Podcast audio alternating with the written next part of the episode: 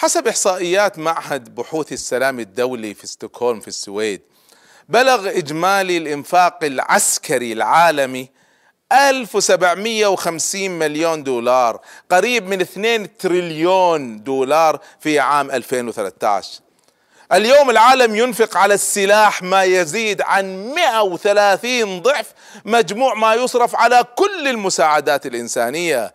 السلاح مربح. إغراء القوة. هذا هو موضوع حلقتنا اليوم من برنامج قصة وفكرة. وخير من يعبر عن هذه الفكرة اختراع نوبل للديناميت وندمه على ذلك.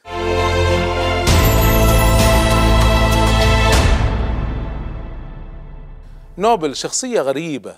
جمعت متناقضات. الناس يعرف عنا يعرفون عنا فقط جائزة نوبل. خلونا نعرف هذه الشخصية بشوية تفصيل.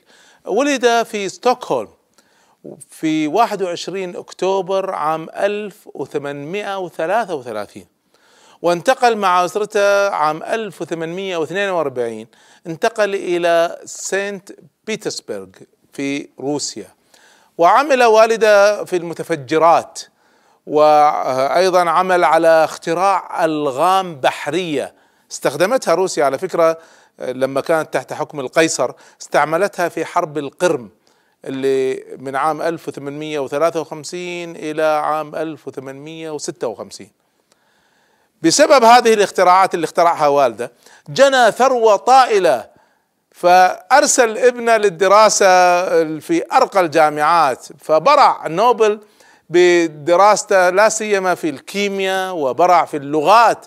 كان يتحدث الإنجليزية والفرنسية والألمانية والروسية بكل طلاقة. ثم انتقل إلى باريس في 1850 لما صار عمره 18 سنة انتقل بعد ذلك إلى أمريكا. شوفوا هذه التنقلات الكثيرة فتحت افاقه تعلم من عدة جهات تعلم من والدة لكنه تعلم من الجامعات وتعلم من عدة دول.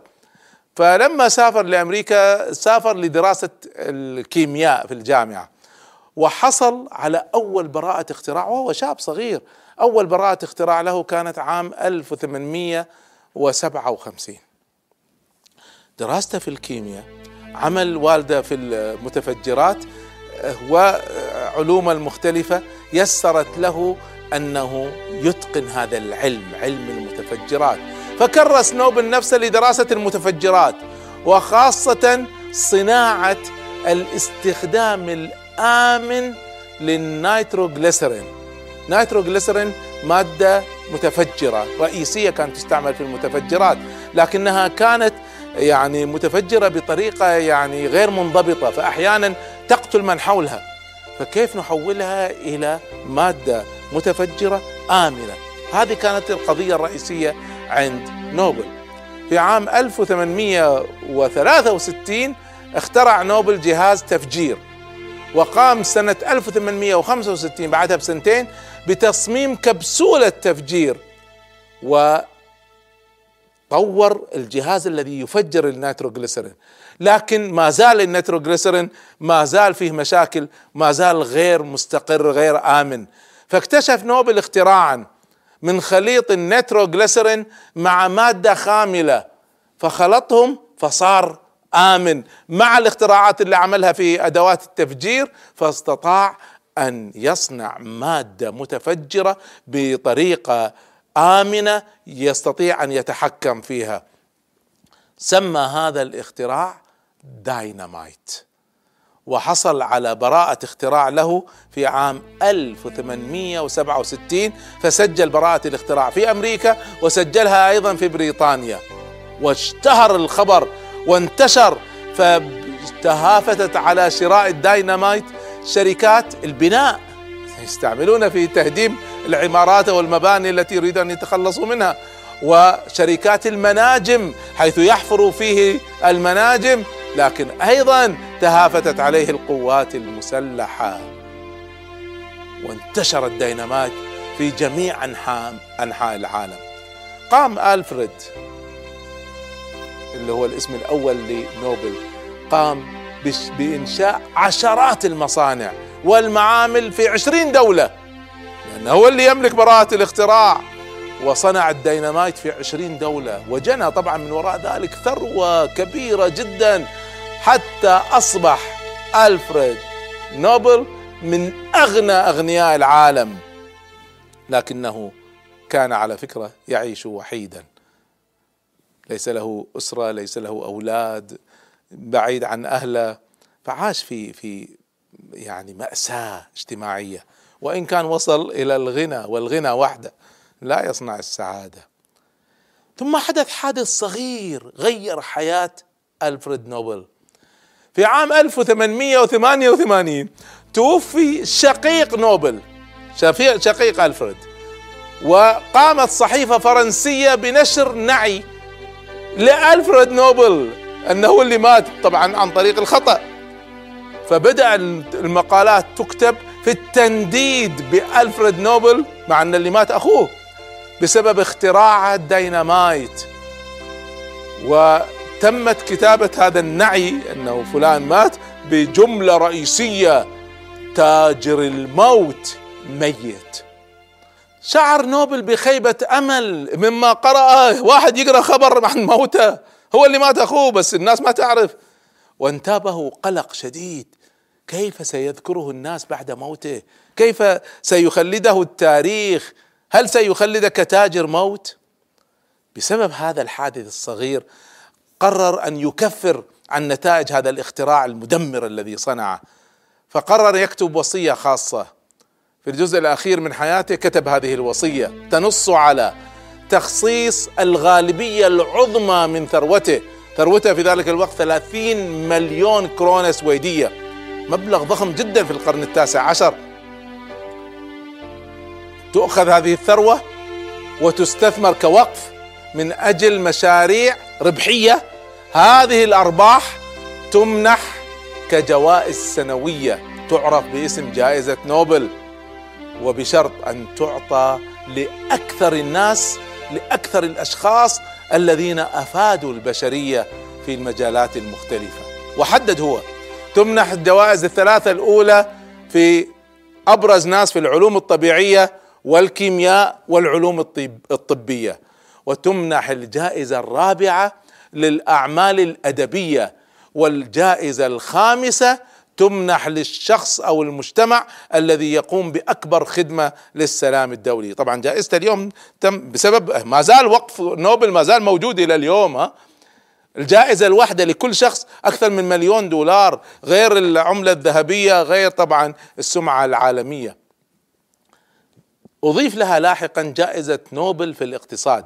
لم تكن هذه الجائزة ضمن القائمة الأصلية للجوائز اللي كتبها نوبل نفسه لكن قام البنك المركزي سويدي بإضافتها وفعلا تم منحها لأول مرة في عام 1969 طبعا فاز كثير من الناس أكثر ناس للأسف فازوا بهذه الجائزة هم اليهود العرب قليل جدا منهم من فاز بالجائزة منهم نجيب محفوظ آه، أعطي أنور السادات وياسر عرفات أعطوا جائزة السلام بسبب تخاذلهم تجاه إسرائيل وأعطيت كجوائز علمية لأحمد زويل والبرادعي لما كان يدير آه، منظمة قضية الطاقة النووية والقنابل النووية.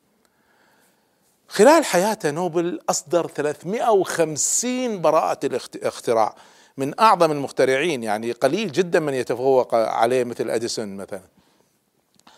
قبل وفاته قام بإنشاء رغم كل هذا قام بإنشاء عدة مصانع مرة أخرى للأسلحة رغم اعتقاده أنه يجب أن يتحول للسلمية لكن إغراء المال إغراء القوة إغراء الثروة هو الذي جره في ذلك الاتجاه. هنا دعونا نتوقف قليلا للحديث عن النوايا الطيبة. النوايا الطيبة وحدها لا تكفي كثير من الأفعال التي كانت جرائم في تاريخ البشرية. كان وراها نية طيبة. نوبل كان يريد أن يقدم ما كان على فكرة نوبل ما كان هدفه يخترع سلاح. كان هدفه أن يقدم منجز جديد جهاز جديد اختراع جديد يفيد من خلال البشرية يترك بصمة نافعة للناس. فتولدت لديه فكرة توفير. انت متخيلين الناس في المناجم كيف تبذل جهود عشان تحفر ولا عمارة عشان تهدمها؟ فتولدت لديه فكرة توفير كل هذه الطاقات الإنسانية الهائلة في سبيل استخراج الحجارة أو أو إسقاط الحجارة ومواد البناء من الجبال. وفتح السدود فتح الطرق. فكان هدفه هو هذا. كان تركيزه على ماذا ماذا يمكن أن يقدم بديل ليقوم بهذه المهمة بدل من الحفر الإنساني. فكانت الشرارة عبقرية شرارة عبقرية أولى نحو فكرة ولادة الديناميت يمكن اعتبار أن الديناميت هو واحد من أهم المتفجرات أو الإنجازات الصناعية في المناجم ومقالع الحجارة وشق القنوات ووضع أساسيات المباني الضخمة بهدم ما سبقها. لكنه نوبل لم ينتبه لنوازع الشر الفطرية الموجودة في البشرية. كانت النتيجة طبعا كارثة كلنا نعرفها. ما نفعت نوايا نوبل الطيبة في حفر السدود وحفر القنوات وحفر الجبال. كانت فكرة نوبل أن يتحول الديناميت إلى سلاح ردع. ما في مانع يستعمل سلاح لكن كردع. حتى قال هو يقول إن الديناميت الذي اكتشفته سيقود قريبا إلى السلام أسرع من عقد ألف اجتماع دولي نحو السلام عندما يدرك الناس أنه من الممكن نسف جيوش بأكملها فإنهم سيجنحون للسلم. طبعا تقديره للأمور كان خاطئ تماما. ولذلك لم يتمكن نوبل نوبل من منع القوات العسكرية من استخدام هذا السلاح اللي المفروض يكون ردع استعماله في تفجير أشياء أخرى أهمها وفي مقدمتها. الإنسان نفسه فجروا البشر بالديناميت ثم تطورت صناعة المتفجرات. تخيلوا كل هذه التفجيرات التي في العالم وراءها هذا الاختراع. في عام 1891 انتقل نوبل من باريس إلى سان ريمو في إيطاليا. وهناك أصيب بذبحة صدرية شديدة ومات في منزله سنة 1896 هل كان نوبل هو العالم الوحيد الذي استجاب لإغراء القوة وتحول النوايا الطيبة إلى شيء شرير؟ سأحدثكم عن مزيد من هذه القصص بعد الفاصل إن شاء الله.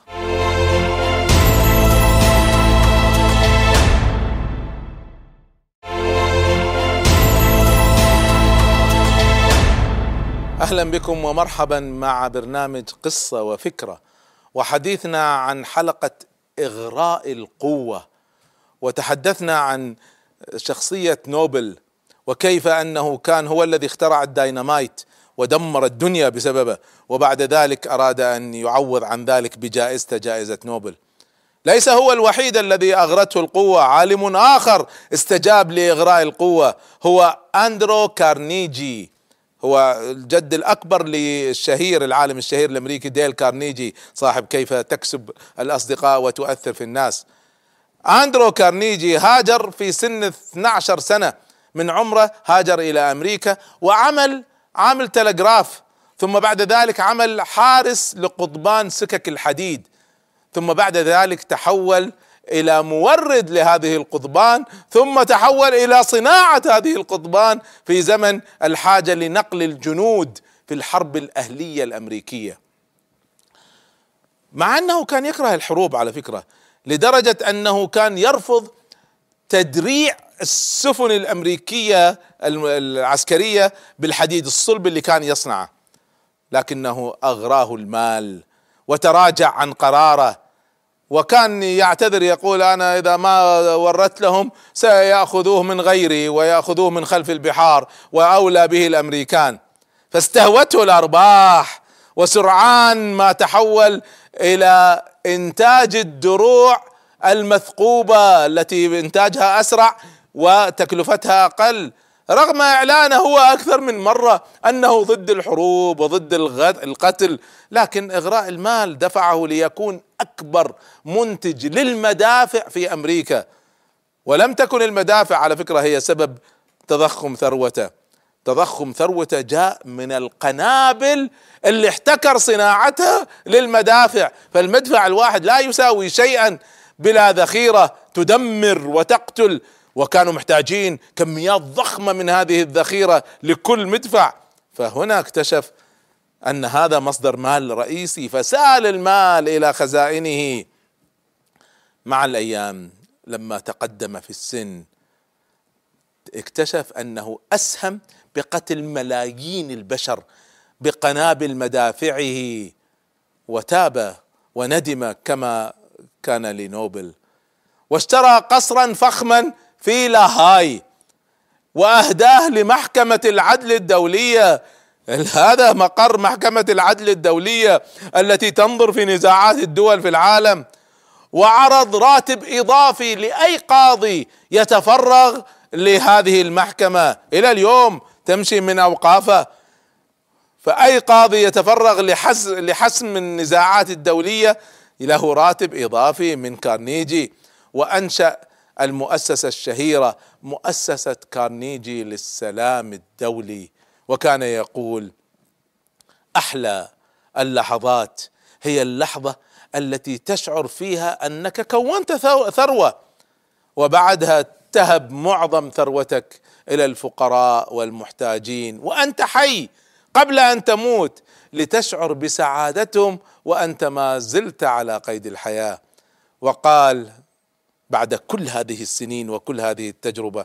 قال أيضا إن اشنع ما في هذه الدنيا هو عبادة المال. ولم يكتفي فقط بمحكمة لاهاي بل أسس 2811 مكتبة عامة وأسهم في شؤون الطب والتعليم وهب كارنيجي أكثر من 350 مليون دولار في زمانه اللي الآن تعد بالمليارات للمحتاجين وللمنظمات الخيرية. لكن بعد ماذا؟ بعدما قتل الملايين بإنتاجه. هكذا إغراء المال. وليس هو فقط عالم ثالث أيضا استجاب لإغراء المال والقوة وهو العريف بالجيش الروسي ميخائيل كلاشينكوف. نعم هو الذي اخترع البندقية الآلية المعروفة باسمه. فاقت شهرتها شهرة الديناميت الذي صنعه نوبل والمدافع التي صنعها كارنيجي وقنابله. وأصبحت الكلاشينكوف قاسم مشترك في كل الحروب والنزاعات. كل العالم يستعمل الكلاشينكوف لكنه على عكس سابقيه. لم يحصل من اختراعه في الاتحاد السوفيتي السابق إلا على جائزة ستالين. 150 ألف روبل آه، روسي. وعضوية مجلس السوفيتي الأعلى. ليش؟ لأن شيوعية كل الأموال للدولة فما أعطوه شيء. كان السوفييت يتكتمون على فكرة على شخصيته من الذي صنعها؟ بصفة سر عسكري يعتبرونه سر عسكري. حتى كان لما يزور المصنع مصنع بندقية كلاشينكوف اللي هو اخترعها كان المصنع في بلغاريا. كان عمال المصنع لا يدرون أن الذي يزورهم هو الذي اخترع هذا السلاح الذي يصنعونه. وكان اسمه يتردد في كل ثانية في كل أنحاء العالم. إغراء القوة ليس فقط يشمل الأفراد كثير من الدول تتبنى الحل العسكري مع الدول الأخرى وكثير من الطغاة يتبنون الحل الأمني مع شعوبها. يقول المثل الغربي اللطيف يقول إذا كنت مطرقة فسترى كل مشكلة أمامك مسمار. اسم الإسلام جاء من كلمة السلام ومن أسماء الله عز وجل السلام. وتحية الإسلام السلام عليكم. ومن أسماء الجنة دار السلام. في الإسلام الذي يبعثنا على الحرب والقتال ليس الهجوم والاعتداء وإنما دفع الاعتداء. يقول الله تعالى وقاتلوا في سبيل الله الذين يقاتلونكم ولا تعتدوا إن الله لا يحب المعتدين.